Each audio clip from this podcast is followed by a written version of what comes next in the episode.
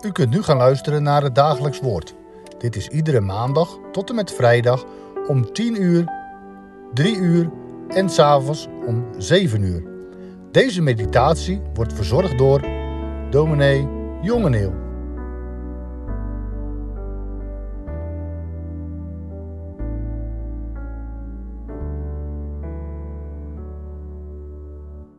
Goedendag luisteraars. We lezen vandaag uit Efeze 3, de versen 8 tot en met 13. Waar het volgende staat. Mij, de allerminste van alle heiligen, is deze genade gegeven om onder de heidenen door het evangelie de onnaspullelijke rijkdom van Christus te verkondigen en allen te verlichten, opdat zij mogen begrijpen wat de gemeenschap aan het geheimenis inhoudt, dat door de eeuwen heen verborgen is geweest in God, die alle dingen geschapen heeft door Jezus Christus, opdat nu door de gemeente aan de overheden en de machten in de hemelse gewesten de veelvuldige wijsheid van God bekendgemaakt zal worden, volgens het eeuwige voornemen dat Hij gemaakt heeft in Christus Jezus, onze Heere. In Hem hebben wij de vrijmoedigheid en de toegang met vertrouwen door het geloof in Hem. Daarom vraag ik u dat u de moed niet verliest vanwege mijn verdrukkingen, omwille van u, want dat is uw heerlijkheid. Tot zover lezing uit de Bijbel. Over die eerste woorden mij, de allerminste van alle heiligen. Over die woorden las ik een overdenking van de Britse bisschop J.C. Ryle. En ik wil die vandaag gewoon aan u voorlezen. Hij schrijft: Laten we opmerken wat Paulus van zichzelf zegt. Hij maakt gebruik van bijzonder krachtige taal. De stichter van vermaarde kerken de schrijver van veertien geïnspireerde brieven, de man die nergens minder in is geweest dan de uitnemendste apostelen, in arbeid overvloediger, in slagen uitnemender, in gevangenissen overvloediger, in doodsgevaar menigmaal. De man die voor zielen de kosten deed en ten koste werd gegeven, de man die alles dingen schade achtte te zijn voor Christus, de man die in waarheid kon zeggen: Het leven is mij Christus en het sterven mij gewin. Wat horen we hem van zichzelf zeggen? Hij gebruikt nadrukkelijk een opvallende trap en een overtreffende trap. Hij zegt: Ik ben minder dan de minste van alle heiligen. Wat een arm schepsel is de minste heilige. En toch zegt Paulus: Ik ben minder dan hem. Ik vermoed dat een taal als deze nagenoeg onverstaanbaar is voor velen die beleiden christen te zijn. Net zo onwetend van de Bijbel als van hun eigen hart kunnen ze niet begrijpen wat een heilige bedoelt als hij zo nederig spreekt over zichzelf en over datgene wat hij bereikt heeft. Het is slechts een manier van spreken, zo zullen ze u vertellen. Het kan er alleen maar op doelen op wat Paulus vroeger was toen hij een nieuweling was en Christus voor het eerst begon te dienen. Maar we kunnen er zeker van zijn dat Paulus werkelijk in zijn hart voelde wat hij met zijn pen schreef. Want de taal in onze tekst staat niet op zichzelf. Ze wordt op andere plaatsen zelfs nog overtroffen. Tegen de Filippenzen zegt hij niet dat ik het al reeds gekregen heb, of al reeds volmaakt ben, maar ik jaag ernaar. Tegen de Corinthiërs zegt hij: Ik ben de minste van de apostelen, die niet waard ben een apostel genoemd te worden. Tegen Timotheus zegt hij de zondaren van wie ik de voornaamste ben. En tegen de Romeinen zegt hij ik ellendig mens. Wie zal mij verlossen uit het lichaam van deze dood? De eenvoudige waarheid is dat Paulus in het diepst van zijn hart veel meer gebreken en zwakheden zag dan wie ook. De ogen van zijn verstand waren door de Heilige Geest van God zo volledig geopend dat hij in zichzelf honderd verkeerde dingen bespeurde die de doffe ogen van andere mensen helemaal niet opvielen.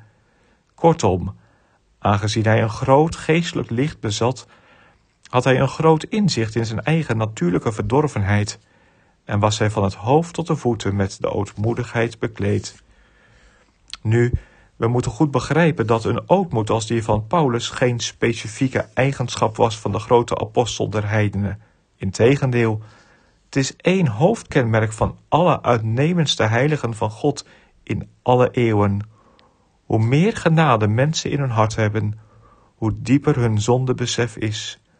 Hoe meer licht de Heilige Geest in hun ziel instort, hoe meer ze hun eigen zwakheden, verontreinigingen en duisternis onderscheiden. Een dode ziel voelt en ziet niets.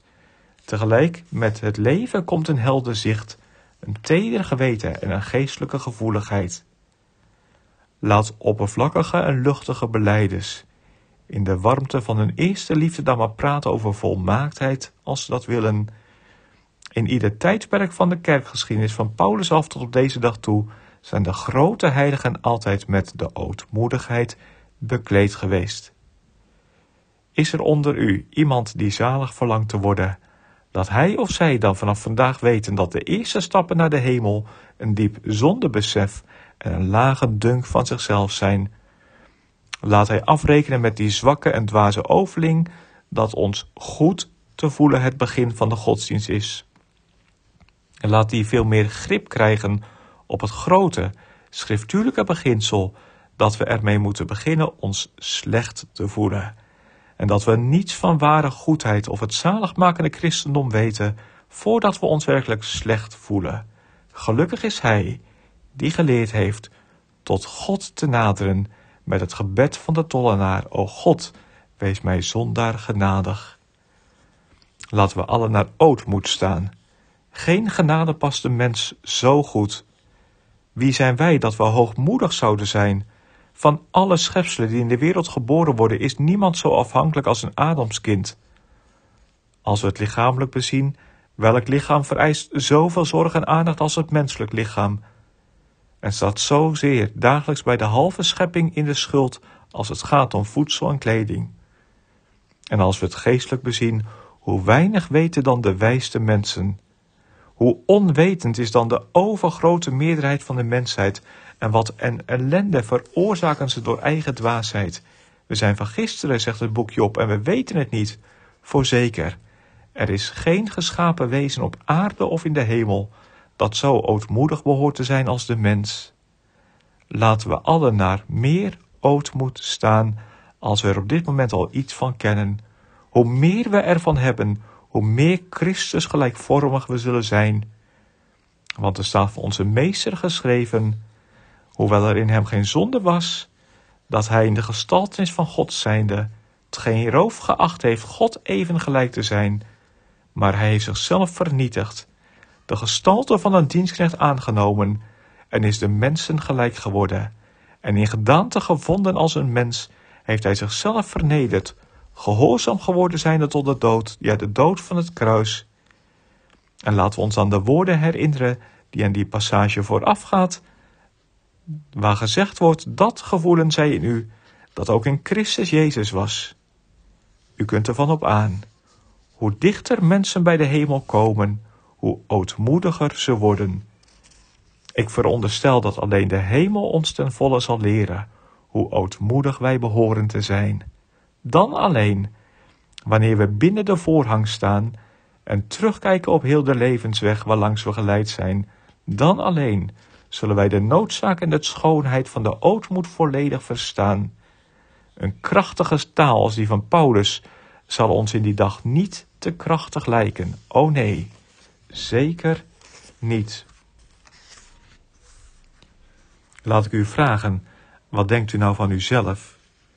U hebt gezien en gehoord wat Paulus zo van zichzelf dacht, maar wat zijn uw gedachten over uzelf? Hebt u die grote, fundamentele waarheid ontdekt dat u een zondaar bent, een schuldig zondaar in Gods oog? De roep om een betere opleiding klinkt tegenwoordig luid en onophoudelijk. Onwetendheid wordt door iedereen betreurd. Maar u kunt ervan op aan, er is geen onwetendheid zo algemeen en zo schadelijk als onwetendheid aangaande onszelf. Ja, mensen kunnen bekend zijn met alle kunsten, wetenschappen, talen, economie, staatkunde en toch ellendig onbekend met hun eigen hart en hun eigen staat voor God. U kunt er zeker van zijn dat zelfkennis de eerste stap naar de hemel is. Gods onuitsprekelijke volmaaktheid en onze onmetelijke onvolmaaktheid te kennen, onze eigen onuitsprekelijke gebrekkigheid en verdorvenheid te zien, dat is het ABC van de zaligmakende godsdienst. Hoe meer inwendig licht we hebben, hoe nederiger en ootmoediger we zullen zijn, en hoe meer we de waarde van de verachte zaak, het evangelie van Christus, zullen verstaan. Hij die het slechts van zichzelf denkt en van zijn eigen daden, is voor God wellicht de beste christen. Het zou voor velen goed zijn als ze dag en nacht dit eenvoudige gebed zouden bidden.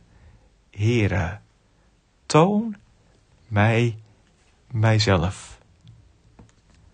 Tot zover bisschop J.C. Rijl. Naar aanleiding van die woorden uit Efeze 3 vers 8, mij, de allerminste van alle heiligen. Zullen we samen bidden? Onze Vader, die in de hemelen zijt, uw naam worden geheiligd. Uw koninkrijk komen. Uw wil geschieden gelijk in de hemel zo ook op de aarde. Geef ons heden ons dagelijks brood. Vergeef ons onze schulden, zoals ook wij onze schuldenaren vergeven. En leid ons niet in verzoeking, maar verlos ons van de boze. Want van u is het koninkrijk, de kracht en de heerlijkheid, tot in eeuwigheid. Amen.